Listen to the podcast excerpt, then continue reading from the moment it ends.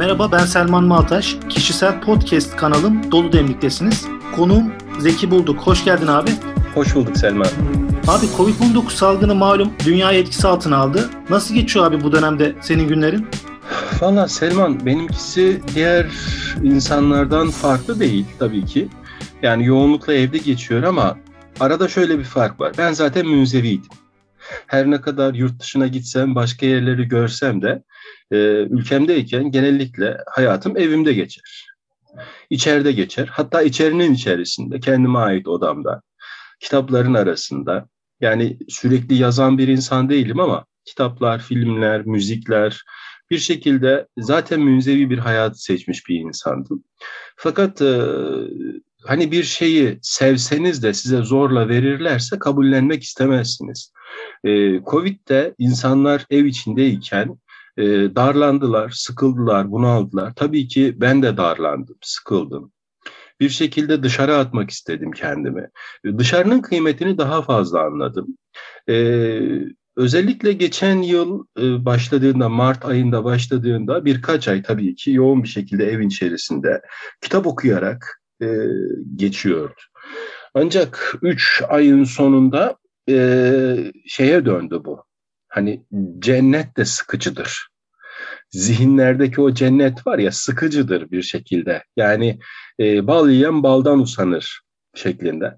E, ben tabii işin trajik boyutlarını söylemiyorum. Yani bize yansıyan kısımlarını. Üçüncü aydan sonra dostlarımızda, ailemizde e, Covid olanlar çıkmaya başladı. Bunlar biraz bizi e, sarstı, ürküttü. E, ben izlenim olarak şundan çok rahatsız oldum. Mesela ilk ay birileri işte hemen e, sosyal medyada ben e, korona oldum diye yazdığında bin kişi retweet ediyor ya da beğeniyor, üzüntülerini bildiriyor filan. Ve ben şeyi fark etmiştim, bu demiştim düşmeye başlayacak. Yani ya e, şey yarışı başladı adeta. Ben korona olayım da hemen yazayım, insanlar benim için bir şeyler yazsınlar filan hali. Ya o görüntüleri paylaşmalar, ee, ben şey dedim ya, ya dedim muhtemelen 2-3 ay sonra dedim korona olanların dedim hiçbir starası olmayacak. Yani e, kimse onları ciddiye almayacak. O yüzden herkes ilk olmanın peşinde. Hastalıkta da biz ilkiz adeta. Yani bunu duyurmaları falan bana çok tuhaf gelmeye başladı. Hastalık üzerinden e, o yorumlar falan beni bayağı bir rahatsız etti. E, Albert Camus'un Veba romanında özetle şöyle bir durum vardır. Veba gelir ve geldiğinde herkes dindarlaşır. Kiliseye gitmeye başlarlar. Papazı her gördükleri yerde dua isterler. Ona karşı müthiş bir e, boyun büküşte bulunurlar. Daha önce hiç sevmedikleri, aşağıladıkları papaza karşı. Öyle ki bu bir müddet devam eder. Ne zaman ki e, veba çekilmeye başlar, artık yavaş yavaş kiliseden ayak çeker insanlar ve işin ilginç yanı artık veba tamamen temizlendikten sonra tek suçlu papaz olur. Yani papaz onlara vebayı hatırlatan kişidir. Şimdi bizde de bilmiyorum ilk dönemler dikkat edersen dini vurgular çok fazlaydı. Hatta saçma sapan böyle bizim bir dönem Müslüman alim kabul ettiğimiz fakat şimdi us atölyeleri kurmuş tuhaf abilerimiz var. Ee, bunlar e, yan yana şey fotoğrafları paylaştılar. Bir tarafta hemşire, tıp insanları, bir tarafta da din insanları. Evet ben oyumu bilimden yana veriyorum gibi böyle karikatürler paylaştı. Koskoca filozof kabul edilen tipler. Yani e, yarın bir gün e, herhalde şeye dönüşecek. Koronadan çıkabilirsek eğer çıkartırlar müsaade ederlerse dinle ilgili e, motifler, semboller, simgeler tamamen şeye dönüşecek. Aşağılanma, bize koronayı hatırlatanlar filan gibi. Hatta doktorların da bir şekilde e, küçümseneceğini düşünüyorum ya da tıp elbiseleri giyen insanların da e, niye bize koronayı hatırlatıyoruz? Bu şey e, hızlı karar vermeler onu görüyorum. Yani aslında Allah tarafından bir dinginlik bağışlandı dünyaya. Bir durum bakalım denildi adeta. E, modern insanlar şeyi görmüyorlardı. Irak'ta, Afganistan'da, Suriye'de ya da toplu ölümlerle Bangladeş'te ölen insanları falan pek görmüyorlardı. Şimdi bir şekilde ölüm modern insana da dokundu. dokunduğu için e, korona ile ilgili konuşmak, ölümle ilgili konuşmak e, normalleşiyor bir taraftan da. Fakat ölümün bize de bir Yemenli çocuğa yakın olduğu kadar yakın olduğu hissedildi. E, ve bu durumda insanlar çok rahatsız. Hiçbir zaman şunu düşünmeyecekler ama yani bir baltayla, bir satırla, bir e, Kaleşnikov mermisiyle parçalanmış bir çocuğun e, vücudundaki o acı yine dokunmayacak. Niye? Biz e, sosyal medyayla şunla bunla adeta koronanın üzerine pansumanlar yapıyoruz, hafifletiyoruz, rakamlarla filan mesela. Enteresan. İlk günlerde dikkat edersen 20-25 aralığında günlük ölüm oranları açıklanırken diyelim bir arttığında, iki arttığında bir garip oluyordu insanlar. Fakat 200'lü rakamları gördü. Türkiye için söylüyorum e, pek dokunmamaya başladı insanlara. Yine şeye dönüştü. Trafik kazasında 10 kişi öldü, 5 kişi öldü gibi rakamlara dönüştü. Ölüm sıradanlaşıyor. Hani şey farkındaydı sosyal medyada hızlıca paylaşan insanlar. Ya sıradanlaşmadan hemen paylaşalım. Sıradanlaşmadan biz hemen koronamızı reklama edelim falan gibi bir havaları vardı. Ters yere girdim değil mi? Sen dedin ki korona senin için nasıl geçiyor? Karantina. Yok abi dinliyorum ben seni.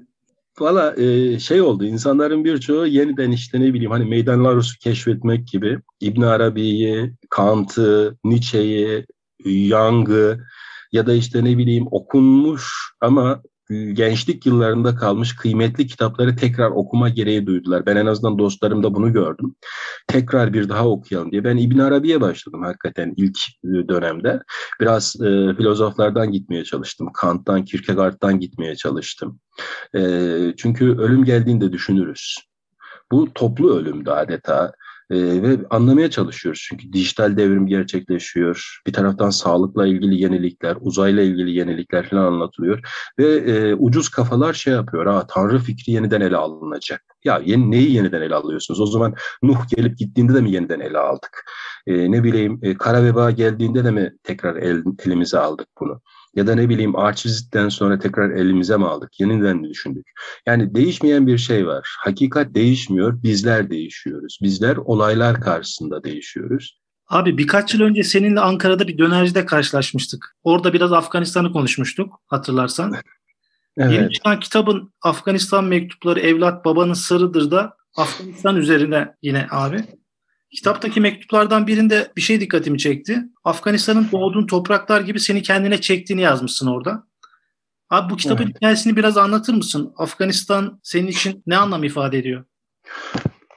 Selman, Afganistan benim için dünyanın e, büyük bir köy olduğunu çok net ifade ediyor. E, Afganistan'da e, doğal insanı da bulursun, yapay insanı da bulursun, dijital insanı da bulursun, dijital hayatı da bulursun, e, çöl içerisindeki o bakir hayatı da bulursun.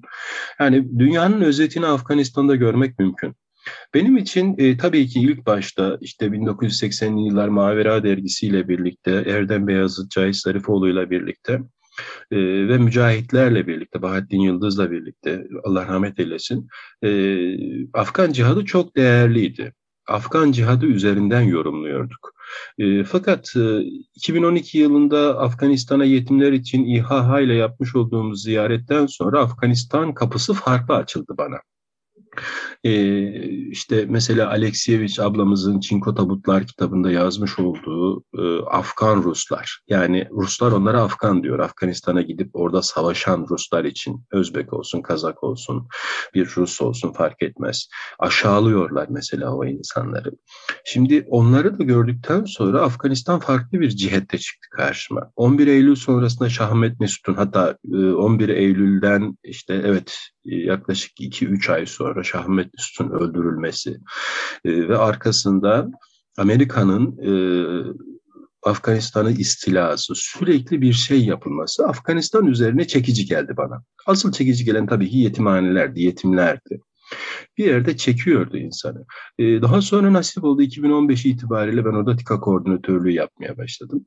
Ee, ve bu TİKA koordinatörlüğüm zamanında e, çoğunlukla çocuklarla ilgilendik. Özellikle yetimlerle ilgilendik. E, iki tane yetimhane yapıldı benim dönemimde orada. Bir Bedaşan yetimhanesi, iki Mezar Şerif yetimhanesi. E, fakat bir de evde olanlar vardı. Yani kenarda olanlar vardı. Diyelim annesini kaybetmiş, babasını kaybetmiş ama hayata evde devam etmeye çalışan insanlar vardı.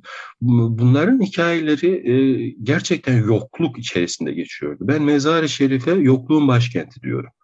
E, yokluğun başkentinde kendime küçük cennetler buldum. O çocuklarla birlikte. Ee, benim için dünyanın özeti oldu. Her ne kadar bu kitap Afganistan'daki insanların hikayesini anlatsa da benim için 14 tane burada özel insanın hayatını anlatıyorum. Ee, onların hayatına dokunmak, onlarla dost olmak, onlarla birlikte gülmek, yemek yemek ve ağlamak bunlar bana nasip oldu bir şekilde bir ruhullahla, bir kaharasinin annesiyle, bir e, güzel e, güzelayla, bir e, Hatice ile yani bunlarla hemhal olmak bana yaşadığımı hissettirdi. Açık söyleyeyim mesela dedin ya hani e, Ankara'da bir dönercide oturduğumuzda hayat neydi? Bir dostla buluşmaktan gerisi anlamsızdı. Yani seninle orada oturmak anlamlıydı ama onun dışarısında o sokak bana çok yabancı geliyordu. O cadde yapay geliyordu. Ee, yani oradan Ankara kartı basıp da diyelim otobüsle gidiyorsun ya da bir taksiye atlıyorsun bir yere gidiyorsun ya bana onlar hiç gerçekçi gelmiyordu. Gerçekçi gelen şuydu. Diyelim ki Mezar-ı Şerif'te Marmul kampına girerken Moğollar ya da Ermeniler karşılıyor askerler. Arkasından Alman askerler karşılıyor. Sonra bizim Türk askerlere ulaşıyoruz. Ee, orada bile mesela bir Türk'ün çok değeri var ve ürkütücü geliyor onlara. Yani e, oradaki asıl güç Afgan halkı arkasındansa bir Türk varsa çok değerli ve ürkütücü bir Moğol için, bir Ermeni için, bir Alman için askerlerden bahsediyorum. Ee, orada dahi kendi varlığımın anlamlı olduğunu gördüm sokakta yürürken anlamı hissediyorsunuz. Bir Türkmen gelip sizinle fotoğraf çektirmek istiyor. Bir Özbek gelip, bir Tacik gelip sizinle muhabbet etmek istiyor. O kişi için o iki saat çok kıymetli. Hani şöyle bir şey vardır. Siz e, elinizde bir cam taşırsınız. Cam taşıdığınıza inanırsınız ama birisi gelirler ki o cam değil elmas der. E, ben kendi kıymetimi bir şekilde Afgan topraklarında gördüm. İnsan olmanın değerini. E, çünkü ölüme bir nefes yakınlar. Hani biz de bir nefes yakınız aslında da bunun farkında değiliz ama onlar bana bunu fark ettirdiler. Ee, yarına maaşı yok, yarına parası yok, yarın ne yiyeceğini bilmiyor. Kuşlar gibi insanlar. Bana doğal hayatın ne olduğunu e, hatırlatan insanlar bu insanlar. E, benim işte aylık maaşım yatıyor, bir garantim var. İşte çoluğum çocuğum için plan yapıyorum filan. O insanlar da plan yapıyorlar ama öyle büyük büyük planlar yapmıyorlar. Rızkı veren hüdadır diye biz Türk söylüyoruz ama bunu onlar yaşıyorlar. Hani bir kuş sabah kalktığında nerede ne yiyeceğini bilmez ama Allah onun rızkını bir ağacın tepesine, bir toprağın üzerine, bir yere bırakmıştır. Afganlarda rızık kaygısının olmadığını gördüm. Ben modern hayatımda, normal hayatımda rızık kaygısını çok çektiğim için ya da işte düşündüğüm için şunu dedim ya Zeki sen şirkle inanmaya çalışıyorsun. Yani bu şirktir. Çünkü mümin insan e, hiçbir zaman rızık kaygısı çekmemelidir. Allah'tandır. E, o yüzden benim için Afganistan bana 45 yaşından sonra e, bir şeyleri yeniden okuma fırsatı verdi. Yenilenme bilincini bir şekilde ben Mezar-ı Şerif'te tekrar yaşadım. Bu sadece gariplerin hikayesini anlatarak değil. Hani her ne kadar kitap Afganistan mektupları olsa da oradaki çocuğu al başka bir yere koy. Dünyanın başka bir yerine yine aynı. Ben insan duygularına, ıı, insan kalmaya çalıştım.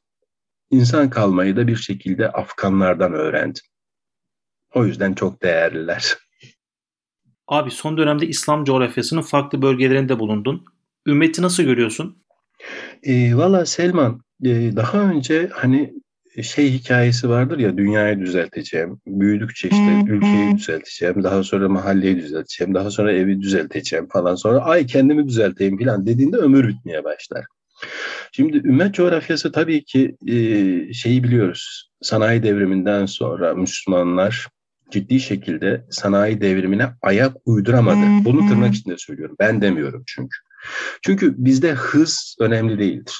Müslümanlar hıza kaptırmamak için uğraşırlar. Hani e, gelenekselliği niye biz e, daha çok tartışıyor ve yaşıyoruz? E, biraz sebebi şu. Gelenekselliğin içerisinde ahestelik vardır. Yavaş yavaş akma vardır. Latinlerin bir sözü var. Ağır ağır acele et diye. Yani adeta bu Müslüman ruhunu çağrıştıran bir şeydir.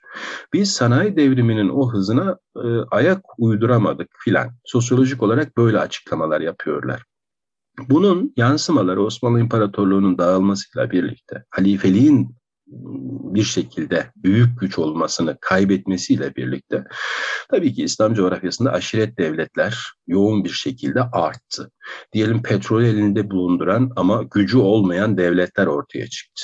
Ee, bunu bir şekilde Birinci Dünya Savaşı'ndan sonra şeyi e, haritaları güzel takvimlendirdiler, çizdiler. Kendilerine göre çizdiler, yönetilebilir ayara getirdiler.